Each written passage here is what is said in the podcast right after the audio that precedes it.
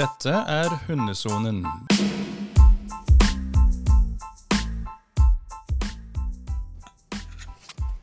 Velkommen til en ny episode av eh, Hundesonen. Og denne eh, episoden her, den er kanskje litt spesiell, fordi den spilles eh, inn ute i det fri.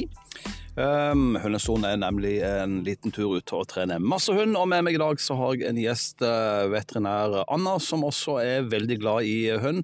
Anna, fortell først, uh, ja, hva slags hund har du? Jeg har en uh, hvit gjeterhund som heter Kasper. Han er fire år. Fortell litt om Kasper. Hva var, hva var, på en måte greia? Hvorfor valgte du den type hvit gjeterhund? Hva var premissene dine? Det var, det var, vel at jeg ville ha en hund med schæfermentalitet, men jeg skaffa meg hund under studiet, så jeg måtte ha en hund som òg takla å ha en rolig dag innimellom. Og da var kanskje ikke helt brukssjef det som jeg skulle gå for i den hverdagen jeg hadde da. Nå er jeg jo ferdig utdanna og har sånn sett mer tid til hund, men like stas med hvit for det. Hva slags kar er Kasper? Han er, han er svær, han er en hvit, svær gjeterhund, må jeg si. Ja, det er han. han. han. er en stor uh, gentle giant, kan vi, kan vi, jo kalle han. han er, det er mye vokt i han, men det er lite, lite aggresjon, så han er, er, glad i alle som er glad i han, holdt jeg på å si, av, av folk. da. Snill med barn og aktiv, aktiv kar med mye, mye, liv. Og det passer bra for deg når du var student, å ha altså den komboen, å ha en, en hvit gjeter? Ja, jeg syns det. Men men jeg satte jo også av mye tid til hund når jeg ikke studerte, da, og på en måte trente mye hund og var ute i skauen og herja, herja på og styrte, holdt jeg på å si. Mm, Men hvordan gikk det med medstudenter og sånn? Du er jo i lag med flere under studietida. Du, det var jo helt, helt perfekt, for alle studentene rundt meg var jo glad i hund, så det var jo aldri noe problem å få med seg noen ut på tur eller noen til å passe han, så det funka veldig fint. Vi skal snakke litt om tematikk som uh, vi ofte får henvendelse om, bl.a. Uh, kloklipping. Og det er ikke så lenge siden vi fikk en, uh, en spørsmål fra en lytter som hadde problemer med kloklipping og hund. Og dette var da en eldre hund som det ble verre og verre både med klippinga, og det ble verre også med kloklippinga, at det ble snerring og glefsing på en voksen hund. Men først, Anna, vi skal komme inn på, på det. Hvordan tilvenner vi hundene med kloklipping? Nei, Hvis du får han som, som, valp, så er det jo egentlig bare å gjøre hunden vant med å bli tatt på og kjent på og klemt på, og gjerne på en måte ta hunden på potene, ta han inn i ørene, ta han inn i munnen, ta han rundt øynene, ta han på buken, på en måte ta, ta og klemme og kjenne på hunden, sånn at han blir vant med at, at, du gjør det med han. Og gjør det til noe positivt. Gi han godbit og si han er flink og, og sånn, men samtidig ikke gjøre en for big deal ut av det, på en måte. Ja, hva er big deal? Hvis hunden da ikke liker dette? Uh, ja, det, det, er jo litt, uh, litt, forskjell på Er det fordi at hunden blir, blir han sur, eller er han redd? Han det, hva er det han syns er ubehagelig, tenker jeg da. Uh, så det, kom, det, er litt situasjonsavhengig. Ser dere um, hunder med lange klør? Ja, det gjør vi. Ganske mye. Mm. Hva, hva skyldes egentlig det? Nei, nå på vinteren så slites jo klørne mye dårligere når de er ute. Eh, så de, de, går ikke og skraper klørne på, på asfalten også, eller på fjellet fordi det er mye snø og, og, og, sånt. Og så Det som er dumt, er jo at hvis de blir for lange, så, eh, så knekker de mye fortere. De kan få seg kloskader og, og sånn, pluss at det, det, er jo fryktelig irriterende å høre på den der eh, lyden på parketten, da. ja, for, og da, da, lurer jeg på, Vi skal komme inn på kloklippinga også. og da lurer jeg på, hva, er, er det det som er signalet når du hører kloa på parketten? Da er, da er de for lange? ja, ofte så er det jo veldig enkelt å ta det på det, da. Det er det. Mm.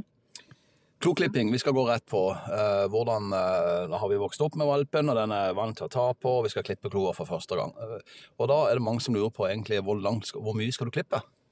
Ja, det er jo en nerve inni denne kloa som man helst burde unngå. Eh, da blør det litt, men om det skulle begynne å blø, så er ikke det verdens undergang. Da tar du litt, eh, litt potetmel på eller litt blodstopp, så, så gir det seg kjapt. Men, men hunden kan jo synes at det er litt vondt og bli litt redd for klørne sine hvis du er borti, så helst bør vi jo unngå det. Men hva er greia med eh, kloklipping? Hvor langt inn skal vi egentlig klippe, og hvordan ser vi nerver? Hvis du klipper litt og litt ta, Du har ei god klosaks som er litt, som er litt skarp. Um, ja, Vi blir forstyrret litt av intervjuet, men sånn er det jo av og til når en er sammen, og så kommer det jo folk. Eh, Hun kommer om ti minutter! Men eh, tilbake til kloklippinga. Vi ble avbrutt. Eh, Ja, ja. Um, nei, jeg syns i hvert fall at eh, det enkleste å kjenne på er at når du klipper litt og litt, så kjenner du at kloa blir mykere når du kommer på en måte inn mot nerven. Du kan kjenne det i klosaksa, og du kan på en måte nesten høre det litt på lyden. At når kloa begynner å bli myk, da er det på tide å, å, å roe ned. Eh, Men på noen hunder så ser du en veldig sånn spiss tupp eh, ytterst på kloa, og den kan du nesten alltid bare ta. Eh, Og så vil vil du også se på en måte at i senteret av kloa så kommer det en liten sånn sirkel når du begynner å nærme deg, nærme deg nerven. Da er du under kloa, da. Da Ja. er du midt på tverrsnitt av kloa. Da er du på der hvor du klipper, på en måte, på, på klosnittet. Tverrsnittet, tverrsnittet av kloa, altså det du ser. Men jeg tenker det at eh, stort sett så sliter jo hundene ned kloa si sjøl hvis de er aktive. Eh, mange hunder gjør det, ja. Mm, så, så man må jo på en måte se på klørne om, eh, om de er lange eller ikke. Eh, og der igjen litt sånn å bli vant med, for, både for hunden sin del, å drive og ta og klemme, klemme og kjenne på, men også sånn at du blir vant med din egen hund. Eh, hvordan den skal kjennes ut, og hvor lange klørne skal se, være. Så ser du eh, Nei, altså, så ser du om eh, klørne blir for lange i forhold til sånn som de pleier å være. da. Du, Vi skal snakke litt tilbake til denne lytteren da, som opplever at det blir verre og verre eh, for hunden, rett og slett. Altså, eh, og da sier også vedkommende det at eh, de har vært hos veterinær, så det skal ikke være noe skade på hunden. Så litt sånn generelt må vi si noe, om du kan si noe om det, for vi vet jo ikke hvor skoen trykker. Men, men hunden er voksen og da bare viser mer og mer frykt, Ja, er det frykt, da? Eller er det det at hunden ikke har så lyst?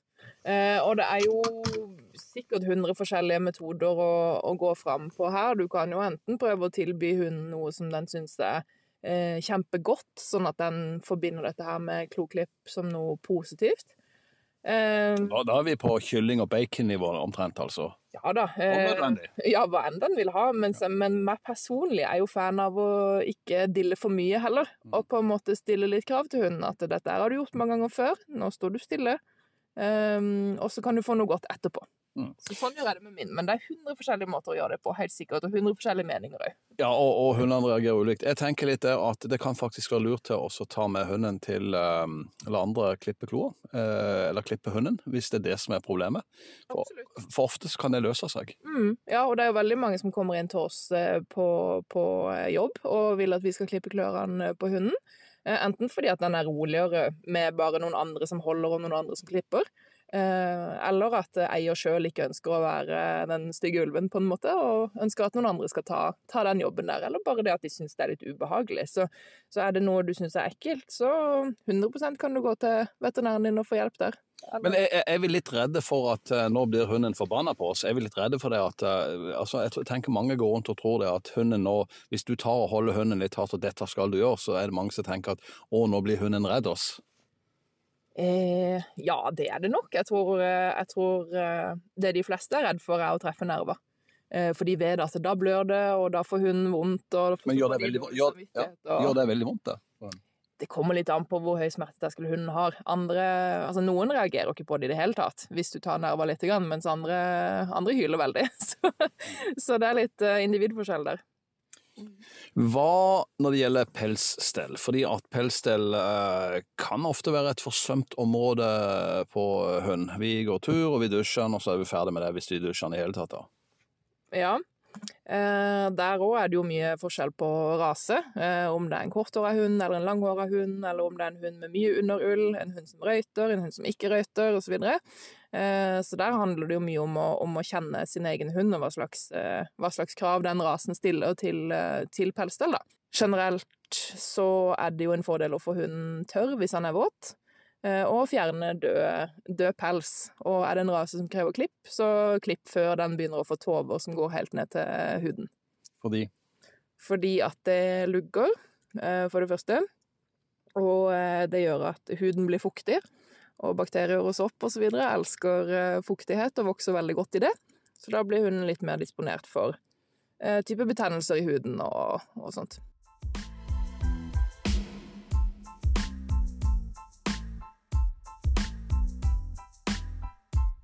Du, I vår podkast har vi snakka en del om uh, arvelige egenskaper. Vi har vært uh, litt innom uh, allergi, som også er et stort problem, og kanskje det største problemet som, som mange veterinærer møter på. Mm, ja, det er jo en, eh, noe vi ser eh, en del av, ja. Mm. Hva, hva, skyldes dette? Er det avl, dårlig kombinasjon av avl, eller er det Hva er på en måte årsaken? Ja, nå er ikke allergi mitt, mitt, spesialfelt, så jeg er nok litt på dypt vann hvis jeg skal begynne å uttale meg om det. Men jeg tror nok at det er en kombinasjon av, av avl, ja.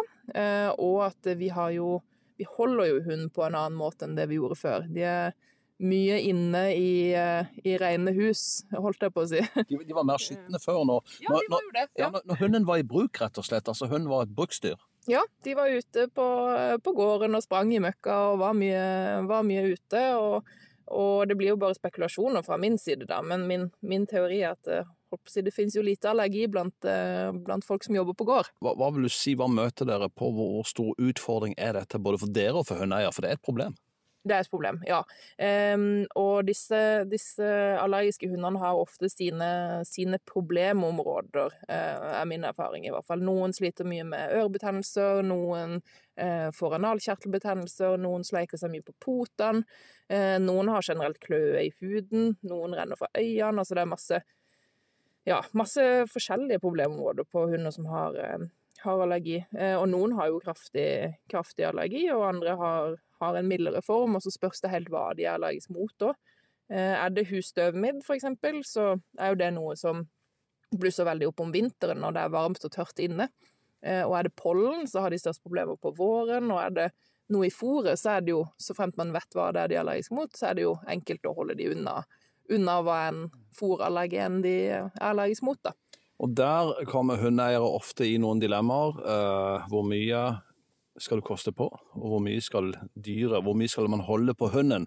Og noen vil jo holde på hunden for enhver pris. Og, og eh, altså, nær sagt uansett hvor dårlig dyret er.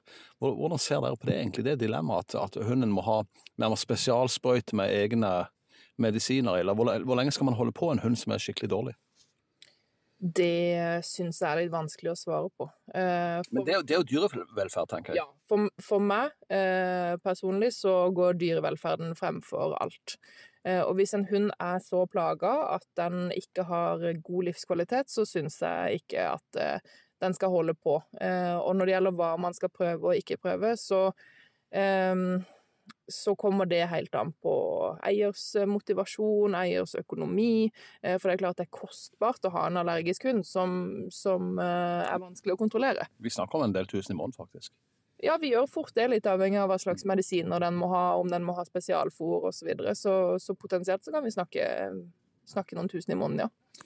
Og, og, det der eh, dyreeierne ofte kommer må, må ta den avgjørelsen, egentlig. Eh, og vi er jo, har sagt det før, i, i hundesonen, vi, vi, tenker jo på dyrets beste. altså Noen ganger så skal det få slippe når man ikke har utsikter til forbedring. Mm. Jeg opplever at, eh, at, folk er veldig flinke å høre på, på, veterinæren sin når det gjelder akkurat det der. Nå heldigvis så har jeg ikke vært borti mye folk som må avlive hunden sin grunnet allergi, men jeg har vært borti eh, avlivninger av mange andre årsaker. Og, og eh, generelt så er eh, folk veldig flinke å høre på veterinæren sin eh, rundt dette dyrevelferdsspørsmålet, da. Mm. Og da eh, er vi for så vidt glidende overgang til litt annet. Har vi gjort kjæledyrene for menneskelige? Hva tenker du? Det tror jeg fort at vi gjør. Jeg gjør det jo sjøl noen ganger òg. Å, stakkars, nå skal jeg på jobb, må han være her helt alene og savne meg, på en måte.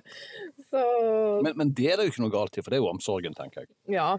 Eh, ja. Nei, vi har vel kanskje vi, vi, strekker oss i hvert fall lenger i hva vi er villige til å prøve ut av, uh, av uh, behandlinger og, og, og, sånt for at hundene skal få et godt liv. Så jeg tror vi, vi, vi mener veldig mye av det vi gjør godt. Um, og uh, ja, eksempel dette her med allergi, da vi prøver å få hunden til å uh, få det bedre. Men, men, det er jo ikke noe galt i, i uh, Dyrene hadde jo en litt annerledes livsstil før, da de altså var i bruk, rett og slett. Da, da, da høner var i bruk for enten å passe på buskapen eller ikke sant, holde vekk rotter fra maten, da vi langt noen hundre år tilbake i tid, og, og, litt sånn. Og så er, så er, det jo vi mennesker som har gjort det til kjæledyr òg.